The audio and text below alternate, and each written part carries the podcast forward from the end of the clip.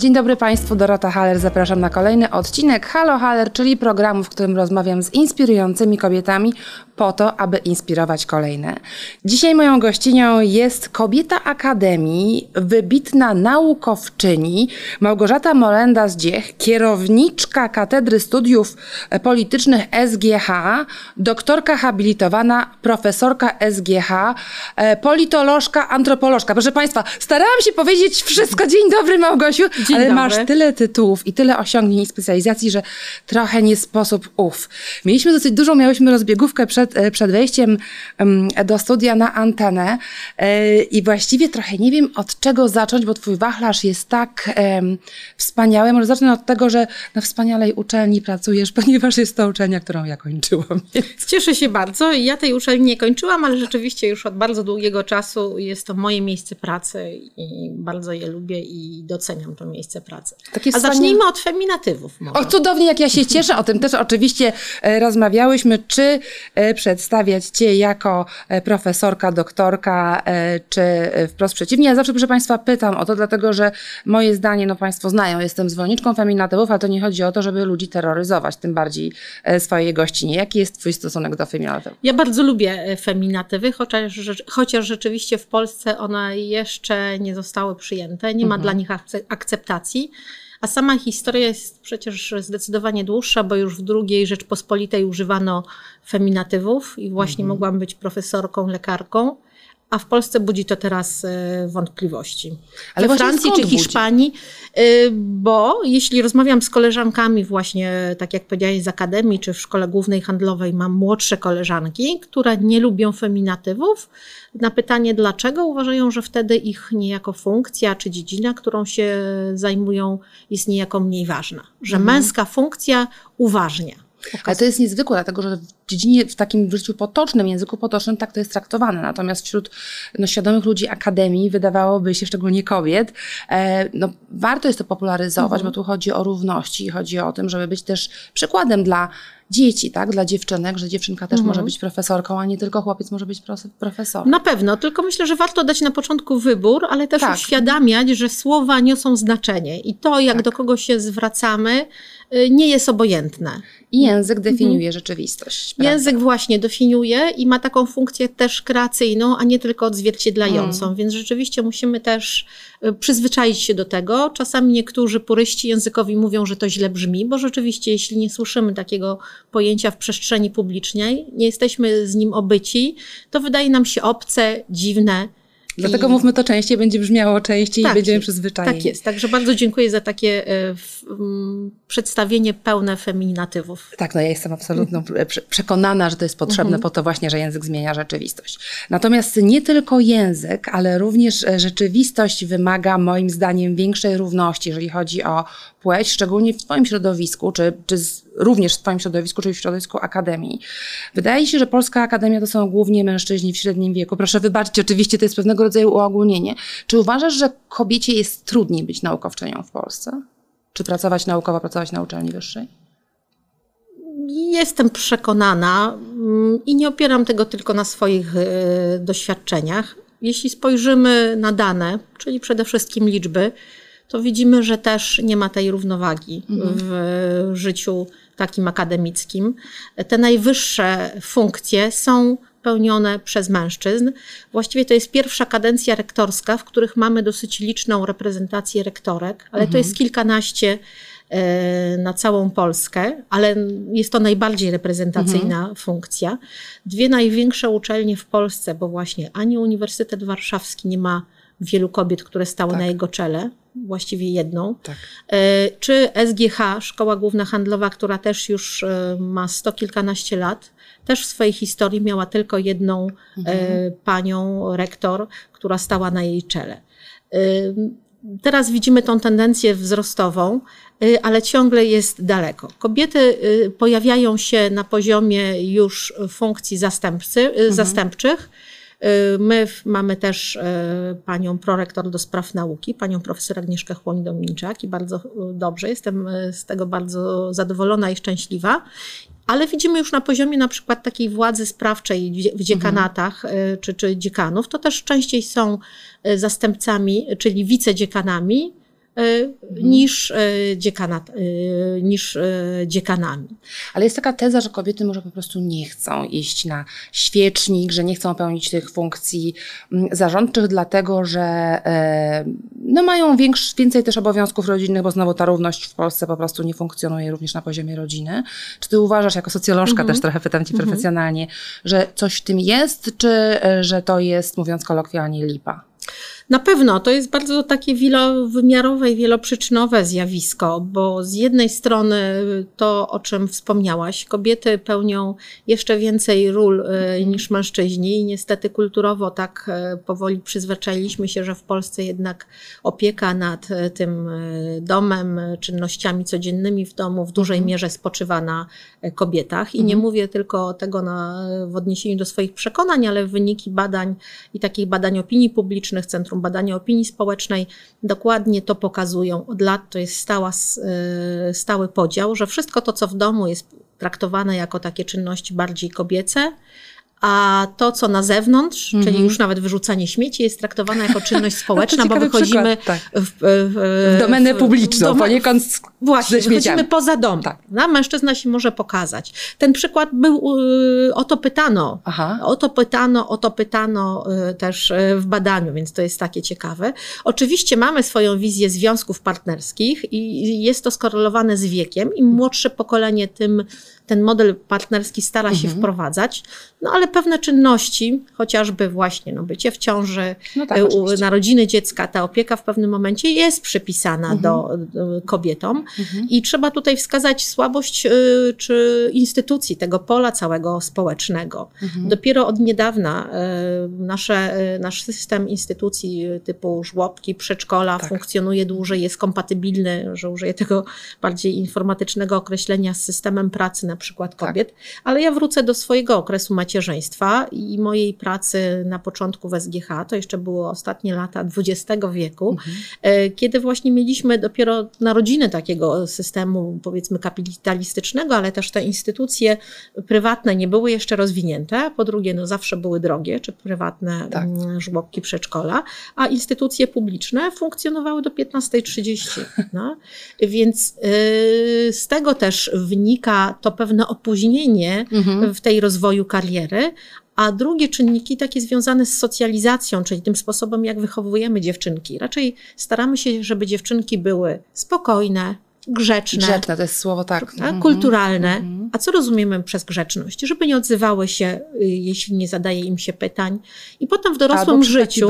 tak, nie, nie miały y, własnego zdania. Tak, potem w dorosłym życiu często jeśli pytam, y, nie pamiętam nawet w takich historii instytucji, w których ja pracowałam, żeby był przykład kobiety, pani, która sama siebie zgłosiła na funkcję dziekanki. Czekaj, kobiety czekają na propozycję. Jeśli mhm. propozycja nie padnie, się, tak, mężczyźni mają swoje tak. strategie negocjacji, mhm. stają się dziekanami, ewentualnie potem rozdają te dodatkowe stanowiska, które mhm. związane są też z wykonywaniem E, pracy, biurokracją, taką pracą mhm. żmudną, rzetelną, bardzo ważną dla instytucji, ale nie pokazywaniem siebie na świeczniku. Ale trochę wspierającą mężczyzn. Tutaj też e, mhm. e, kobieta z Akademii mówiła o tym dokładnie, pani doktorka Justyna mhm. Z Uniwersytetu Warszawskiego, o tych funkcjach wspierania mężczyzn. No tak, no weźmy takie przysłowie, prawda? W polskiej tradycji te przysłowia często odzwierciedlają te nasze wzory kulturowe. Jeśli mówimy o tym, że kobieta jest szyją mężczyzny. Tak. Znaczy tak. szyją głową, no, tak. prawda? Kobieta jest... E, szyją, a głowa A głową jest mężczyzna. Mhm. No to też pokazuje, że mamy jakieś swoje strategie, ale właśnie mamy tą funkcję wspierającą, tak? tą funkcję reprezentacyjną. Może opowiem o takiej anegdocie, bo kiedyś e, prowadziłam zajęcia dla, e, dla pań, które prowadziły własne firmy, czyli mhm. musiały być to, to bardzo odważne kobiety, bo zdecydowały się na prowadzenie biznesu w Polsce. E, I pamiętam, kiedy właśnie mówiłam im o regulacjach lobbyingowych, to jedna mm, z pań, ponieważ była dla niej to nowa wiadomość, mówi: Wie pani co, ale ja tak naprawdę to zapytam y, męża o to. I następnego dnia przyszła na zajęcia i wie pani co, mąż potwierdził, że tak jest. Więc pytałam, Aha. może mąż był profesorem, ja wtedy chyba tak. byłam doktorem, więc myślałam, spytała u, u tak, autorytetu, kogoś mhm. wyższego. Nie, mąż też wykonał jakąś działalność, y, działalność biznesową. Aha. Ale pani, która prowadziła własną firmę, Tak. widać, no właśnie, to było to źródło, Mhm. do którego ma się zaufanie. Prawda?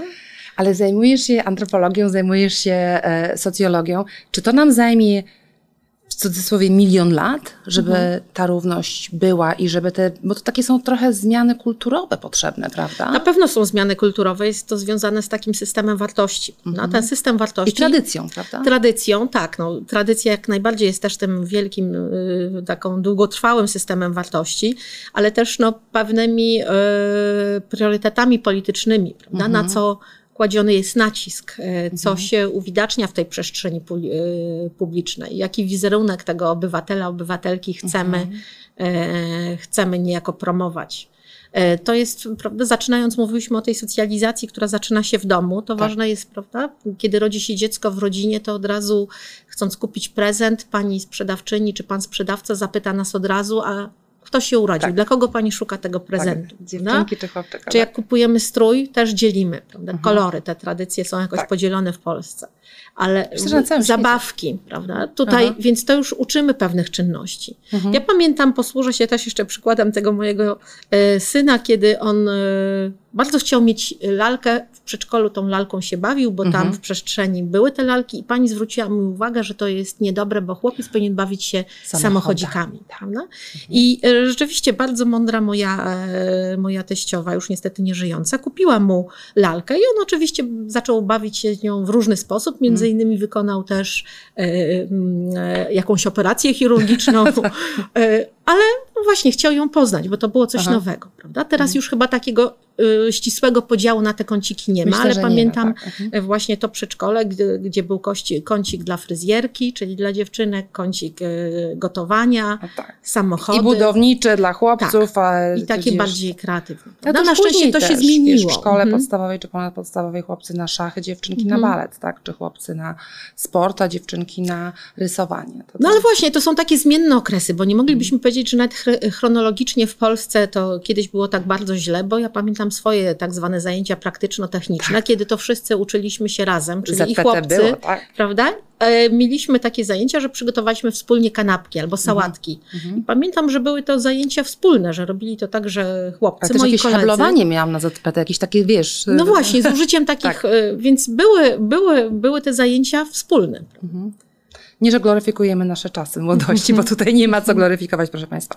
Małgosiu, Ty jesteś, poczyniłaś wiele publikacji oczywiście, natomiast mnie najbardziej interesują dwie, bo są moim zdaniem na absolutnie kompletnie odległych biegunach. Mianowicie jedną książkę o celebrytach, ja może zacytuję tytuł, to jest e, Czas celebrytów i mediatyzacja życia publicznego, a druga na drugim biegunie z kolei to jest książka o lobbingu, lobbying w praktyce. I dla mnie to jest zaskoczenie, że z jednej strony zajmuje się celebrytami, a z drugiej strony lobbyingiem politycznym. Zatem showbiz i polityka. Opowiedz proszę o tych zbieżnościach tych światów z pozoru zupełnie niespójnych i niepodobnych. Czy niepodobnych, to zastanówmy się. E, Rzeczywiście mam takie dwa e, obszary mojej naukowej działalności, bo właśnie jestem też e, socjolożką z takim jeszcze backgroundem antropologicznym. Kończyłam studia z antropologii społecznej w Paryżu i habilitację robiłam z nauk o polityce. I samym lobbyingiem jako takim, czyli y, wywieraniem wpływu za pomocą legalnych metod i środków, zajęłam się z inspiracji właśnie też y, i kontaktami, i studiami, y, i współpracą z, ze Szkołą Nauk Politycznych SIOSPO, kiedy ten przedmiot tam funkcjonował w ofercie, a my tego mieliśmy się nauczyć i niejako włączyć do swojej oferty. Ja za to byłam odpowiedzialna. I dla mnie przede wszystkim y, to wywieranie wpływu to była przede wszystkim wielka działalność komunikacyjna, taki, w zakresie takiej komunikacji społecznej. Bo zobaczyłam, jak wielką rolę w tym procesie, w budowaniu strategii, y, odgrywa współpraca z mediami. Po to, żeby pewne wiadomości albo przekazać do przestrzeni publicznej, nagłośnić je, znaleźć rzeczników sprawy, uruchomić odpowiednią kampanię, w tym i kampanię marketingową, które też pomagają nieść e, i zyskiwać rozpoznawalność pewnych problemów, albo wręcz przeciwnie, wyciszyć mm, i pokazać dopiero opinii publicznej wtedy, jak jesteśmy pewni zwycięstwa, albo chcemy pochwalić się zwycięstwem, pokazać, jakie będą tego społeczne zyski. y, Jakie straty, y, przed jakimi stratami społeczeństwo uchroniliśmy. A moje zainteresowanie i ta pierwsza książka o aktorskim bojkocie radia, a bo właśnie W jeszcze miałam pierwsza, tak. Mhm. książkę, napisałam książkę o aktorskim bojkocie radia i telewizji, gdzie też analizowałam taki strajk społeczny aktorów po ogłoszeniu stanu wojennego w Polsce. Y, Bojkot jest taką metodą nie tylko stosowaną teraz, nam się kojarzy z gospodarką, bo w czasie wojny w Ukrainie też nawoływaliśmy mm, do bojkotu rosyjskich produktów, ale jest to także oręże polityczne. Jeśli się na coś nie zgadzamy i było stosowane chociażby przez aktorów w czasie II wojny światowej, e, bojkot niemieckich teatrzyków, e, we Francji też aktorzy byli podzieleni, czy współpracować z wrogiem, czy nie, i też w tym stanie wojennym. I jest to też forma komunikacji. I tak jak mówiłam, do, rzeczy, do być w lobbingu często współpracujemy z tak zwanymi rzecznikami sprawy. Mamy mm, osoby, które mogą być takim e, przedstawicielem właśnie danego lobby, czyli grupy interesu. I tutaj y, ta sprawa komunikacji, ale też docierania do odpo- odpowiednich grup docelowych, używania odpowiedniego języka, przechodzenia prawda, z tego języka bardzo technicznego, dotyczącego jednej dziedziny. Tak, na język kolokwialny zrozumiały Tak. dla mas. Mhm. I więc y, myślę, że ta perspektywa komunikacyjna łączy to bardzo, a współczesne czasy są jak najbardziej czasami właśnie takimi zmediatyzowanymi, zapośredniczonymi przez media i y, te zjawiska są, y, mają takie punkty wspólne. Tylko dzisiaj znowu ci celebryci, zwani również influencerami, czyli ludźmi mającymi wpływ, są poniekąd mediami. To się wszystko bardzo Mhm. przenika, ponieważ tworzą wokół siebie potężne społeczności na mediach społecznościowych, społeczności swoich fanów albo ludzi, którzy lubią poglądać przez trochę dziurkę od klucza, co tam u, u, u danego em, artysty czy celebryty Mhm. słychać. I oni czasami, wydaje mi się, uzurpują sobie prawo do głoszenia rzeczy, na których się nie znają. Albo do bycia takim pozornym autorytetem e, w dziedzinach, o których nie mają pojęcia, tylko przez to, że mają tak ogromne audytorium, które sobie stworzyli sami. No właśnie, czy stworzyli sobie sami, czy przy naszej współpracy. No, w każdym takim działaniu komunikacyjnym musimy mieć odbiorcę, nadawcę Tak. i ten przekaz. I e, użyłaś różnych terminów, bo nie ma nic złego, jeśli wiemy, że ktoś jest influencerem, czyli Tak, no, może oczywiście. być nawet jego zawód, ma pewne kontrakty podpisane Mhm. i ma pewną pracę do wykonania. Jeśli odbiorca jest tego świadomy, że Mhm. produkt, który poleca, jest wynikiem tego kontraktu e, reklamowego, E, to czy- UOKiK czy- Mhm. nawet się już tym zajął i bardzo słusznie skądinąd, bo nie można, bo- tak, tak. Bo nie wszystkie Nie produkty do tego się nadzają. tak. Przecież y, na szczęście te regulacje w jakiś sposób, ale one są zawsze tak y, opóźnione, troszkę docierają, bo zwłaszcza produkty lecznicze. prawda? Y, Nasze zdrowie, nasze poczucie bezpieczeństwa jest dla nas najważniejszą wartością, więc robimy wszystko, żeby nas przestało boleć, szukamy jakichś remediów. I y, jeśli wiemy, czyli odbiorca jest poinformowany, że osoba, która nam doradza, przyjęła taką funkcję. No, jest to w ramach y, komunikatu reklamowego, umowy reklamowej, czy jest ambasadorem marki. Te słowa brzmią piękne, prawda? Tak. Bo tak od razu też wartościowują, y, dają mu taką ważną rolę. To powiedzmy, że też odbiorca. y, mm, To już jest decyzja odbiorcy, czy chce tego wysłuchać, zobaczyć, zastanowić się. Prawda? Wiemy, że reklama ma ubarwiać świat. Prawda? Reklama nie jest źródłem samej prawdy. Prawda? Ma pokazać to, y, ma wytworzyć u nas chęć nabycia towaru. Prawda? Jest, y, zwłaszcza, że są to często piękne kreacje artystyczne. Natomiast y, niebezpieczeństwo jest wtedy, kiedy właśnie odbiorca nie, nie wie o tej roli, którą pełni e, ten właśnie celebryta. I lubi go na przykład jako piosenkarza, piosenkarkę, e, ceni go jako aktora, lubi filmy, w którym gra, natomiast nic nie wie o jego tego dodatkowej działalności i ta jego sympatia, którą zdobył sobie poprzez swoje role filmowe, jest, jest przekładana Tak. na działanie, czy to gospodarcze, ale też możemy powiedzieć i polityczne. Przecież każda kampania polityczna ma tak zwane wzmocnienie celebryckie. Tak. Każdy kandydat chce, aby Tylko jego zobacz, kampanie... tutaj znowu to może być autentyczne, bo są po prostu przekonania danej osoby publicznej, celebryty, influencera. Ja głosuję na tę partię, ponieważ wartości głoszone przez tę partię są spójne z moimi wartościami i chcę, żeby Mhm. tacy ludzie rządzili mną. Natomiast kontrakt reklamowy też, jeżeli jest to wszystko opisane w taki sposób, że to audytorium Mhm. rozumie, że dana piosenkarka, piosenkarz wykonuje kontrakt reklamowy, natomiast jeżeli ci ludzie głoszą pewne prawdy według siebie, na przykład na temat szczepionek w pandemii, no to to jest ze szkodą społeczną. Yy, I, I tutaj, gdzie jest ta granica odpowiedzialności za to, tego wpływu, który jest potężny, właściwie nie ma odpowiedzialności. No nie, no nie możemy tego tak rozmywać. Rzeczywiście sytuacja zrobiła się o wiele trudniejsza, kiedy do głosu doszły media społecznościowe. Tak. Prawda? Bo tak tutaj rozmawiamy też, mamy logo jakiejś redakcji. czyli jesteśmy w na temat, yy, proszę Właśnie, państwa, jesteśmy tak. w na temat, ale czy sugeruje to, że to są media, gdzie jest redakcja, że jest ten element weryfikacji, tak, weryfikacji oczywiście. czy zatrudnieni dziennikarze mają też kompetencje. W momencie, kiedy sami jesteśmy, yy, mamy jakieś medium społecznościowe, możemy być jednocześnie jednoosobowym nadawcą i jednoosobowym no właśnie medium, tym prawda? I to jest niebezpieczne, jeśli tym bardziej odbiorca nie zdaje sobie e, z, tej, e, z tego sprawy. Dlatego tak ważna kwestia tej edukacji e, medialnej i takiej odbudowania odporności na dezinformację, na którą teraz jesteśmy Mhm. narażeni na każdym właściwie odcinku, froncie, tak? Mamy taki okres wojenny, więc Tak. ten język. Ale, ale też regulacji. Tylko to, co powiedziałeś przed chwilą, że regulatorzy na wielu polach czasami po prostu nie nadążają za rzeczywistością, która w tej chwili napędzana przez technologię, która się rozwija w tempie błyskawicznym i jesteśmy trochę w takiej matni. Wiesz, to, to jest po prostu jak, jak nad tym zapanować i jak też filtrować te informacje, żeby nie ulec em, takiemu wrażeniu, że dany mówca, e, jego przekaz jest e, prawdziwy, a nie jest po prostu bzdurą najzwyczajniej świecie. No właśnie, sytuacja taka dotycząca kontroli o wiele była łatwiejsza i w cudzysłowie, no ale trochę była jednak łatwiejsza, kiedy mieliśmy do czynienia tylko z tym, co nazywamy mediami tradycyjnymi, czyli prasa, radio, telewizja. A tam też jest odpowiedzialność, co powiedziałaś, profesjonalna Właśnie, odpowiedzialność. Prawda? Bo tam były podmioty medialne, które y, musiały, widzieliśmy kto za nimi stoi, jaka jest struktura właścicielska, był ten wielostopniowy sposób weryfikacji informacji i ta informacja y, też, y, mieliśmy informację skąd ona pochodzi. Mhm. Teraz można tak powiedzieć, że już dawno, dawno temu, ale w gazetach, prawda, a tekst był podpisany albo nazwiskiem autora, ale też jeszcze często Redaktor. były podane y, akronimy agencji prasowych, Tak. z których pochodziły te informacje. Stara zasada też, że informacja powinna pochodzić, czy być sprawdzona co najmniej w dwóch źródłach.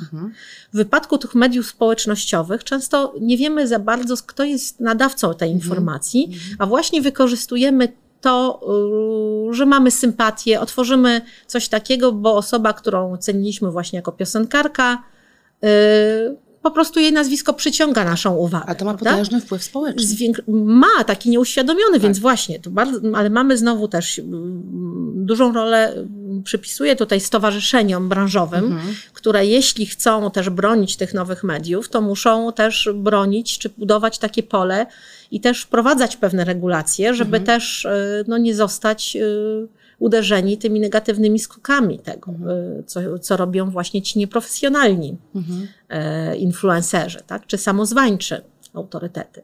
Tylko media też, no właśnie, e, napędzają oglądalność, bo ich e, istotą tych nowych mediów ma być clickbaitowość, czyli Tak, po tak. to, żebyśmy wszystko klikali, oglądali. No, te media oglądamy często w tych tak zwanym pustym czasie, stojąc nawet na światłach. Tak.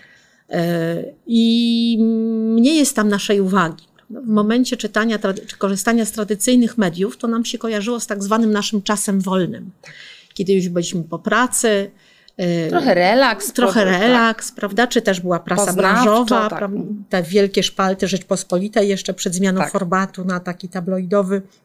E, Też pokazywały miejsce czytania, że to najlepiej się czytało przy dużym stole, prawda? Jak duży stół, to wiadomo, prezesa, czy przy dużym biurku, ale inny sposób Mhm. koncentracji i większa liczba czasu poświęcona na zrozumienie czegoś, prawda? Tutaj przeczytanie artykułu. A y, w wypadku nowych mediów często klikamy tylko w tytułu, dlatego często y, to nawet studenci mówią, że tytuł nie odzwierciedla tego, co potem jest w treści. Mhm. Tytuł ma nas przyciągnąć, jest takim wabikiem, który sprawi, że już jesteśmy złowieni, bo przecież... Znowu pytanie, czy to jest etyczne, tak? A to tutaj... Mhm. To, y, no właśnie, czy to jest etyczne? No właśnie, zależy co, co się, czego to dotyczy. Ten mhm. przykład pandemii, który podałaś, na pewno był bardzo y, ważny, bo widzieliśmy, jak, jak, jak, jak nasze zainteresowanie wzbudzały te informacje dotyczące zdrowia, jakie wielkie oczekiwania były wielki ruch strachu przed, szczepion, mhm. przed szczepieniem i ruch popularyzacji szczepień. Mhm. E, I tutaj znowu no, reprezentujesz też świat mhm. nauki.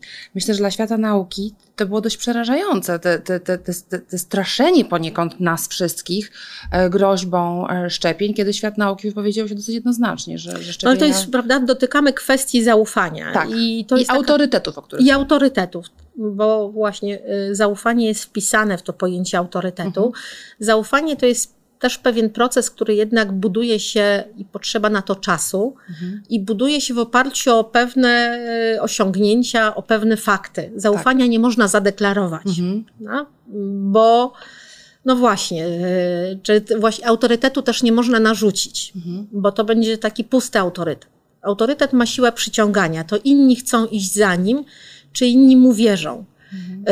I w wypadku świata nauki, no ten autorytet y, w Polsce y, jest powiedzmy na takim poziomie średnim, chociaż w hierarchii prestiżu, czyli postrzegania prestiżu zawodów, to też badania robione przez CEBOS cyklicznie, ten profesor uniwersytecki jest najwyżej w jest rankingach. Bardzo, tak, oczywiście. Tylko nie idą też za tym ta gratyfikacja finansowa jednak, mhm. no, bo te, te rzeczy są trochę rozbieżne Polsce. W Polsce przez długie lata uważano, że jeżeli jest ten duży prestiż, to to wystarczy, prawda? Ten poziom e, finansowy to jest już z innego porządku.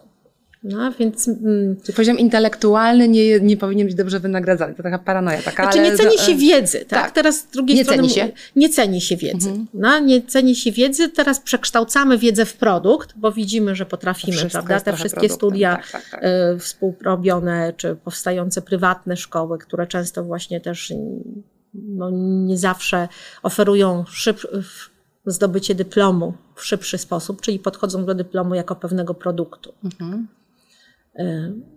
No to jest też ciekawa dyskusja moja tutaj też była na ten temat, e, co dają uniwersytety czy, czy, czy akademia, czy to powinno być takie um, przystosowanie też człowieka później do życia w zawodzie, czy powinno tylko poszerzać wiedzę. To jest taka trochę filozoficzna mhm. dyskusja, ale wiesz, no jednak ten aspekt praktyczny no powinien jakoś jednak być odzwierciedlony, że e, absolwenci uczelni wyższych potem wchodzą w rynek pracy mhm. i powinni się jakoś na tym rynku pracy odnaleźć. Co ty sądzisz o tym? Znaczy myślę i jestem przekonana, że jednak wykształcenie pomaga y, tak, w, oczywiście. w odnalezieniu się po pierwsze w życiu i na rynku pracy, bo też można proponować nowe aktywności. Mhm. To przecież nie bez powodu prezesami firm y, czy nawet banków y, po transformacji zostawali absolwenci filozofii. Wydawałoby się najmniej tak. praktycznego E, kierunku, ale taki, który rozwija naszą taką zdolność postrzegania świata, tak. buduje precyzję definiowania pojęć, pokazuje wielość perspektyw. I y, widzimy, że osoby wykształcone z dobrym wykształceniem lepiej sobie radzą, tak. znaczy mają te umiejętności, bo pewnych technicznych umiejętności związanych z użyciem nowych mediów jesteśmy się w stanie nauczyć, tak. co pokazały też czasy pandemii, bo jednak środowisko akademii, mimo tego, że było na takim dosyć, y, może powiedzmy, no różnym, ale średnim stopniu rozwoju technologicznego, bardzo szybko wdrożyło tak nauczanie online i myślę, że ta forma taka już e, hybrydowa zostanie z nami, bo jest to mhm. bardzo wygodne. Mhm. Tak? I e, niejako też e, zintensyfikowała się taka wspólnota akademicka, bo wiele łatwiej było, można było zaprosić zagranicznego naukowca, tak, odpadały koszty. Online, tak. Online, prawda? I zaczęliśmy w tym funkcjonować. Więc dla mnie dodatkowa wiedza na pewno pozwoli i ułatwia to bycie w świecie, natomiast y, co utrudnia? Utrudnia to, że y, Człowiek wykształcony zawsze ma więcej wątpliwości, bo widzi więcej warstw tej rzeczywistości. Ja kiedyś usłyszałam, że wiedza ogranicza. I rzeczywiście ogranicza przed takim Mhm. Trochę morduje może odwagę taką właśnie. podjęciem decyzji, Decyzji. Prawda? bo zdajemy sobie sprawę, jakie mogą być tego skutki. Widzimy od razu siedem scenariuszy. Tak. Natomiast mm, perspektywy są takie, że zawody się zmieniają, czy nasze właściwie zawody, nasze y, zawody są już teraz bardziej określane jako pewne zajęcia i wiem, że w ciągu naszego życia, czy studenci, którzy teraz kończą uczelnię, będą zmieniać te za, swoje zajęcia co najmniej 5-6 razy. A to, co na przykład było y, stałą w pokoleniu moich rodziców, którzy przepracowali w swoich instytucjach e, Większą część życia. Większą część życia i często był to ich jedyny ten poważny pracodawca, to już jest bardzo rzadkim doświadczeniem. Chyba, że ktoś będzie miał wolny zawód. Prawda? Tak, no tak, ale to już jest zupełnie inna jakby kategoria wyboru zawodu e, na życie. Powiedziałaś w poprzednim wątku, e, takiego użyłaś określenia e, pusty czas. To bardzo jest interesujące określenie. Mm, e, W tym podcaście Anna Dziewit-Meller mówiła, że my nie mamy czasu się nudzić i że to, że nie mamy czasu w ogóle, e, morduje naszą wyobraźnię i trochę nie mamy czasu marzyć. Mi się to bardzo podobało, uważam, że to jest inspirujące stwierdzenie. Czy w tej chwili my nie mamy w ogóle takiego czasu, właśnie pustego? Czy potrzebny nam jest pusty czas? No właśnie, to możemy nazwać to pustym czasem, czasem też takiej rozrywki, ale rzeczywiście Nie, wspomniałaś o staniu na światło, wiesz, to mhm, trudno tak, mówić o rozrywce, tak. to, że każda sekunda musi być zapełniona, Zapełniona. czytaniem, patrzeniem, podglądaniem, postowaniem w mediach społecznościowych. Mhm. To jest trochę tempo nie do wytrzymania. Y, i nie daje też odpocząć naszemu mózgowi, Tak. prawda? naszej, naszej głowie. I widzimy, że bardzo szybko rodzice w, niejako wdrażają w ten rytm dzieci. Mhm. Jeśli porównałybyśmy liczbę naszych zajęć, pewno kiedy my byłyśmy dziećmi, z No to nie da się porównać liczbą tak, zajęć prawda, dzisiejszych dzieci pozalekcyjnych, Tak. gdzie nie tylko każdy, jest taki wyścig na to, żeby dziecko było lepiej przygotowane. Przy- Dzieci chodzą do szkoły. Ja jeszcze żyłam w epoce, kiedy w ogóle nie miałam korepetycji. Y, Czy korepetycje polegały, czy mm, należały się tej osobie, która ewentualnie w wyniku choroby czy jakichś problemów Miała były czymś wyjątkowym. tak, mhm. Teraz okazuje się, że korepetycje to jest taki dodatkowy system nauczania. Mhm. Biorąc pod uwagę jeszcze dodatkowe zajęcia, bo każdy rodzic ma jakieś swoje niespełnione ambicje. Często to tak jest, prawda? Nie pyta się nawet dzieci, czy chcą, Mhm. czy ta dziedzina sportu, czy dziedzina e, e, Tak. tańca go interesuje. Tak. Tylko rodzice realizują swoje, swoje Mhm. I zainteresowania. myślę, że później dzieci mają tak wypełniony czas w dzieciństwie, że później, no bo to już są młodzi dorośli, którzy weszli w tym systemie edukacji wczesnej na, rynek dorosłości, że tak powiem, dorośli, tak funkcjonują w życiu dorosłym też, tak? Ponieważ mają Myślę, zapełnioną że- każdą sekundę życia. Myślę, że przede wszystkim nie mają czasu na budowanie przyjaźni, co jest naj... Mhm. Przyjaźnie buduje się długo. Tak. Relacje zaufania buduje się długo i to, co jest najpiękniejsze, ja na przykład też bardzo cenię sobie kontakt z moimi przyjaciółkami. Mam ich kilka, ale właśnie to są relacje zbudowane jeszcze z czasów lata. szkoły, Mhm. przez lata, bo są najtrwalsze. E, Mam wiele znajomości, czy też, wydaje mi się, może mniej silnych przyjaźni, które są budowane przy innych okazjach, Mhm. ale one dopiero powstają. A te zbudowane z dzieciństwa, kiedy mamy taką dużą e, liczbę wspomnień i właśnie no, rozum, rozumiemy się bez słów, bo mamy, e, one są tak mocno ugruntowane i przetestowane przez różne nasze doświadczenia, które przechodziłyśmy. Czyli co, teraz nie mamy czasu na przyjaźń? Czy to młode pokolenie? Mm, Apelowałabym do rodziców, żeby myśleli o tym, bo właśnie No. tak zdrowo się ponudzić, Tak. To jest coś bardzo pięknego i właśnie mi też bardzo podoba się to określenie i, i na co zwróciła uwagę twoja rozmówczyni, Anna Dziewit-Meller, bo zanika y, ta chęć do marzeń, bo zanika też, y, nasz język jest bardzo praktyczny i zanika też myślenie metaforyczne. Co, ale to zanika, myślę, dlatego, że mało czytamy. Tak? Myślenie metaforyczne y, było nam wprowadzane, było możliwe dzięki temu, kiedy czytaliśmy literaturę, poezję, mm, coś, co nie ma takiej zupełnej utylitarnej wartości w pierwszym e, odruchu. No, to nie jest przepis na ciasto, Tak. czy przepis jak, e, jak zbudować stronę w weekend, czy nauczyć Albo się na nartach. interesujący tytuł, jeździć. który de facto nie ma wiele wspólnego z artykułem, ale jest clickbaitem, o którym powiedziałeś przed chwilą. Mhm. Tak, które się smutno zrobiło, powiem Ci Małgosiu, tak wiesz, nie, że, no nie- że te czasy, które idą, czy które już są, e, no niewielka jest na, nadzieja. Natomiast każde nowe pokolenie niesie coś wartościowego. Ty uczysz Właśnie. młodych, wykładasz na uczelni bardzo poważnej, Mhm. bardzo szanowanej, e, Szkoła Główna Handlowa w Warszawie. Coś powiedziała o pokoleniu Twoich studentów, czyli ludzi, którzy w tej chwili e, za chwilę wejdą, którzy wchodzą w dorosłość powoli. Na pewno SGH jest, e, Szkoła Główna Handlowa w Warszawie jest szkołą, mm, prawda, która kształci liderów, to jej takie motto i idą osoby bardzo ambitne, które chcą odnieść sukces w działalności gospodarczej, chcą być takimi przywódcami w tym wymiarze właśnie ekonomicznym i nastawieni są na ciężką pracę. Natomiast ja bym bardzo z takim dużym optymizmem patrzyła na to pokolenie młodych ludzi, bo to jest pokolenie y, właśnie, które widzi i najbardziej czuje te problemy, które na nas czekają, Mhm. a z którymi nie do końca potrafimy sobie poradzić. I stawia bardzo dobrą hierarchię priorytetów, czyli przede wszystkim zmiany klimatu. Tak. Oczywiście często dla celów politycznych e, mm, rząd czy rządzący zadowalają się deklaracjami. W sferze Tak. deklaracji mówią, że jest to ważna sprawa, ale jak przejdziemy e, i zaczniemy sprawdzać, to zobaczymy, że niewiele się w tym zmienia. E, m, Takie uwrażliwienie na kwestie e, ochrony środowiska, na kwestie zwierząt, na kwestie też odpowiedzialnego, zrównoważonego jedzenia, bo Tak. wiemy, że produkcja rolna to jest też bardzo energochłonna. Więc y, te trendy y, przechodzenia i zmiany naszej diety w kierunku wegetarianizmu czy weganizmu związane z odpowiedzialnością na, za środowisko. To jest dla mnie wyraz bardzo odpowiedzialnej postawy, której my możemy się uczyć. Tak, i takiej wrażliwości, której my możemy się faktycznie uczyć, bo w nas, ale my jesteśmy trochę, ja tak zawsze mówię, pierwszym pokoleniem w butach. No my się, nasze pokolenie budowało gospodarkę wolnorynkową w Polsce, więc też ta dbałość o środowisko była mniejsza. To w ogóle nie ma o czym mówić, prawda? I dbałość o rzeczy, em, o których wspomniałaś. Ekologię.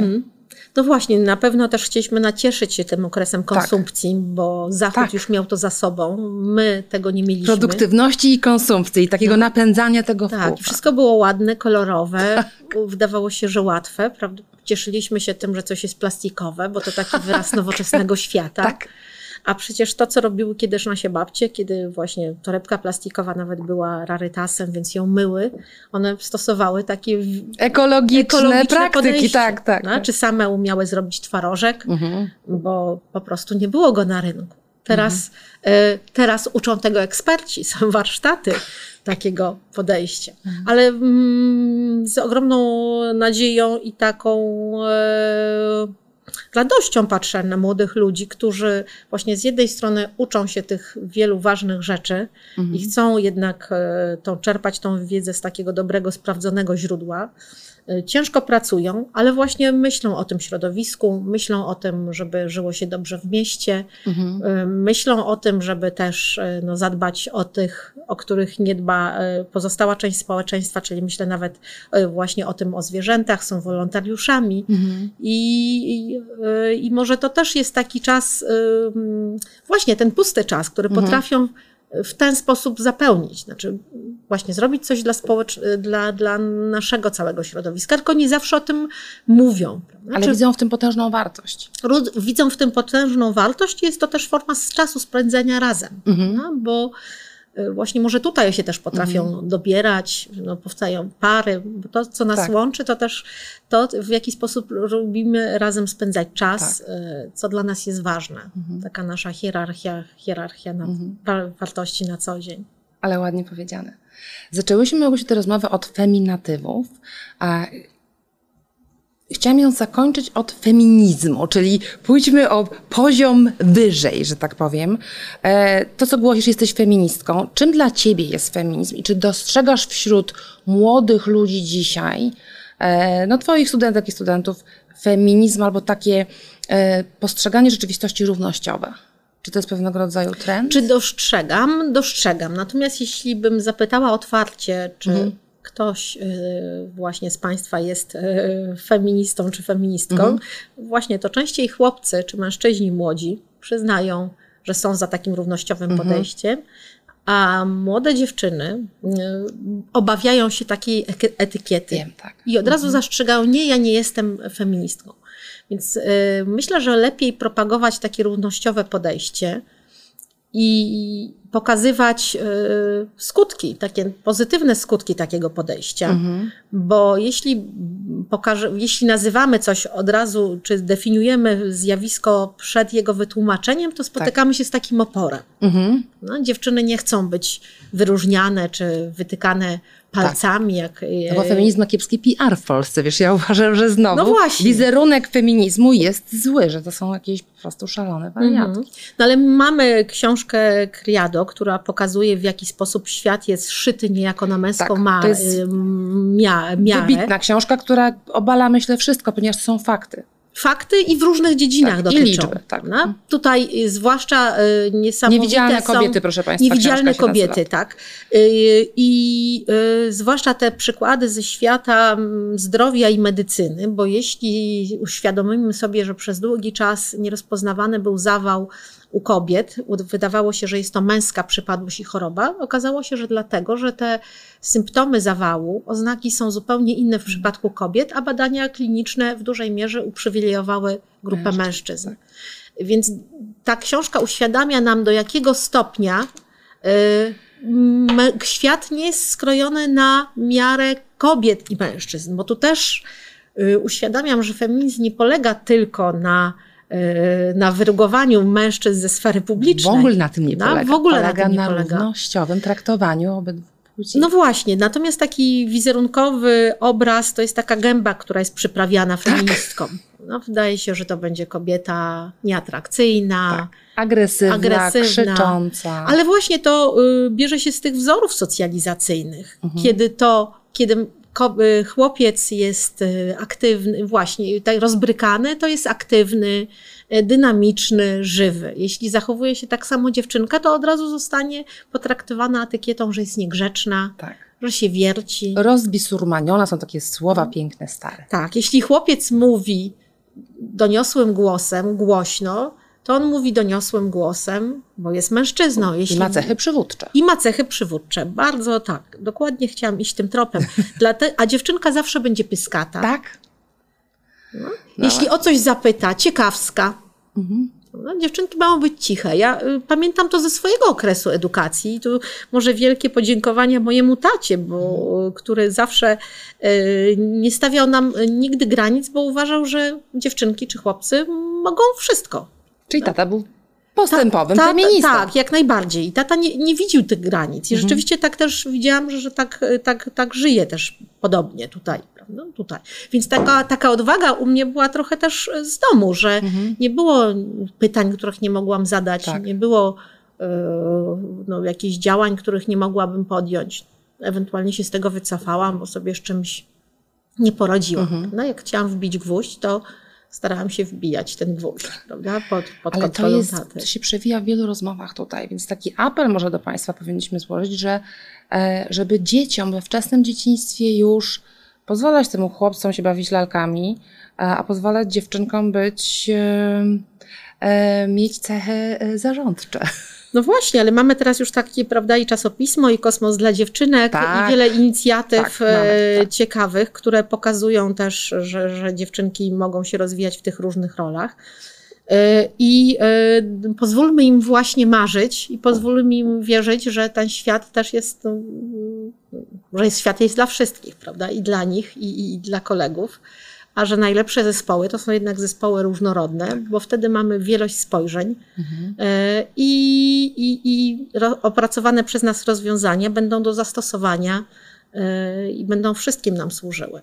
Natomiast drugim elementem, myślę, są jednak ta pomoc, y, takie wsparcie kobiet. Kobiety, mhm. które osiągają sukces, często zapominają o tym, jak było dalej, i czy nawet mówią wprost, że jeśli ja osiągnęłam, to niech ta druga osoba też się napoci.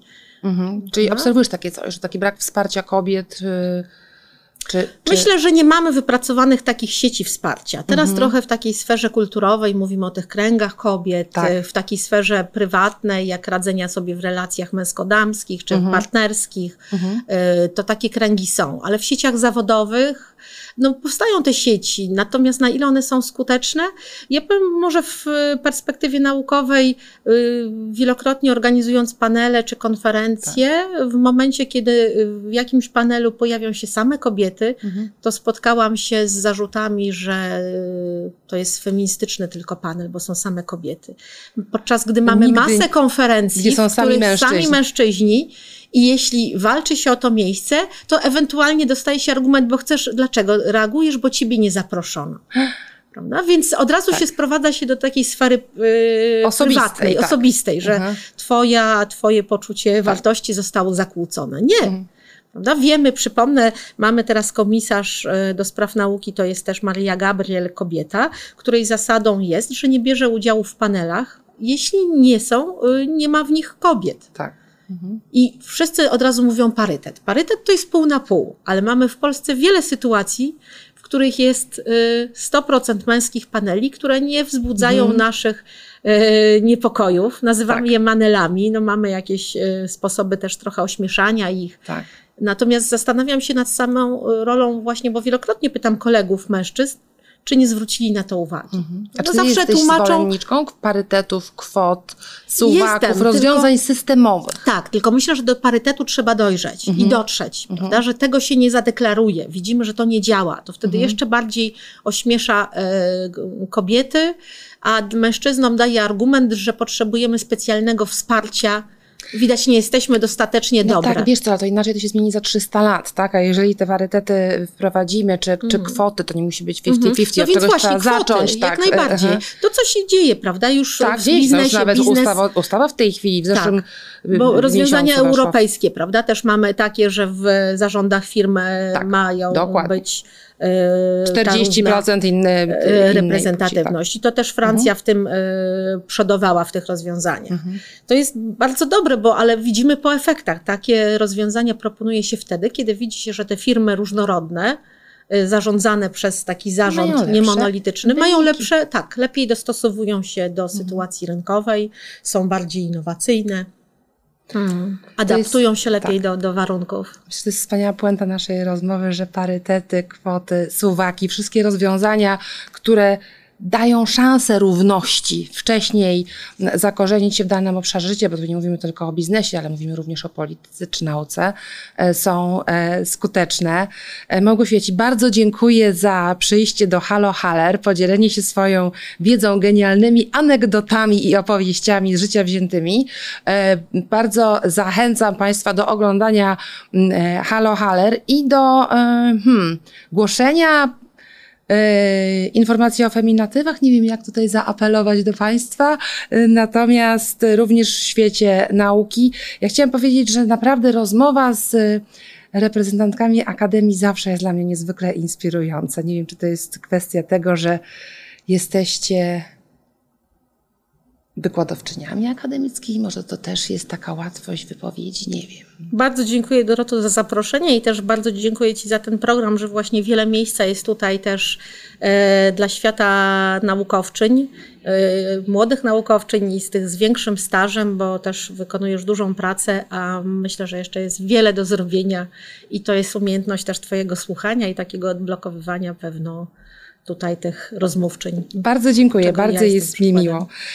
Y, doktorka habilitowana, profesorka SGH Małgorzata Molendas, dziś była moją i Państwa gościnią. Tak, gościnią. Dziękuję bardzo. Bardzo dziękuję. Dobrego dnia wszystkim. A Państwa zapraszam co środę do Na temat o 20 na nowe odcinki Halo Haller, gdzie goszczę inspirujące kobiety po to, aby inspirować kolejne. Dziękuję bardzo.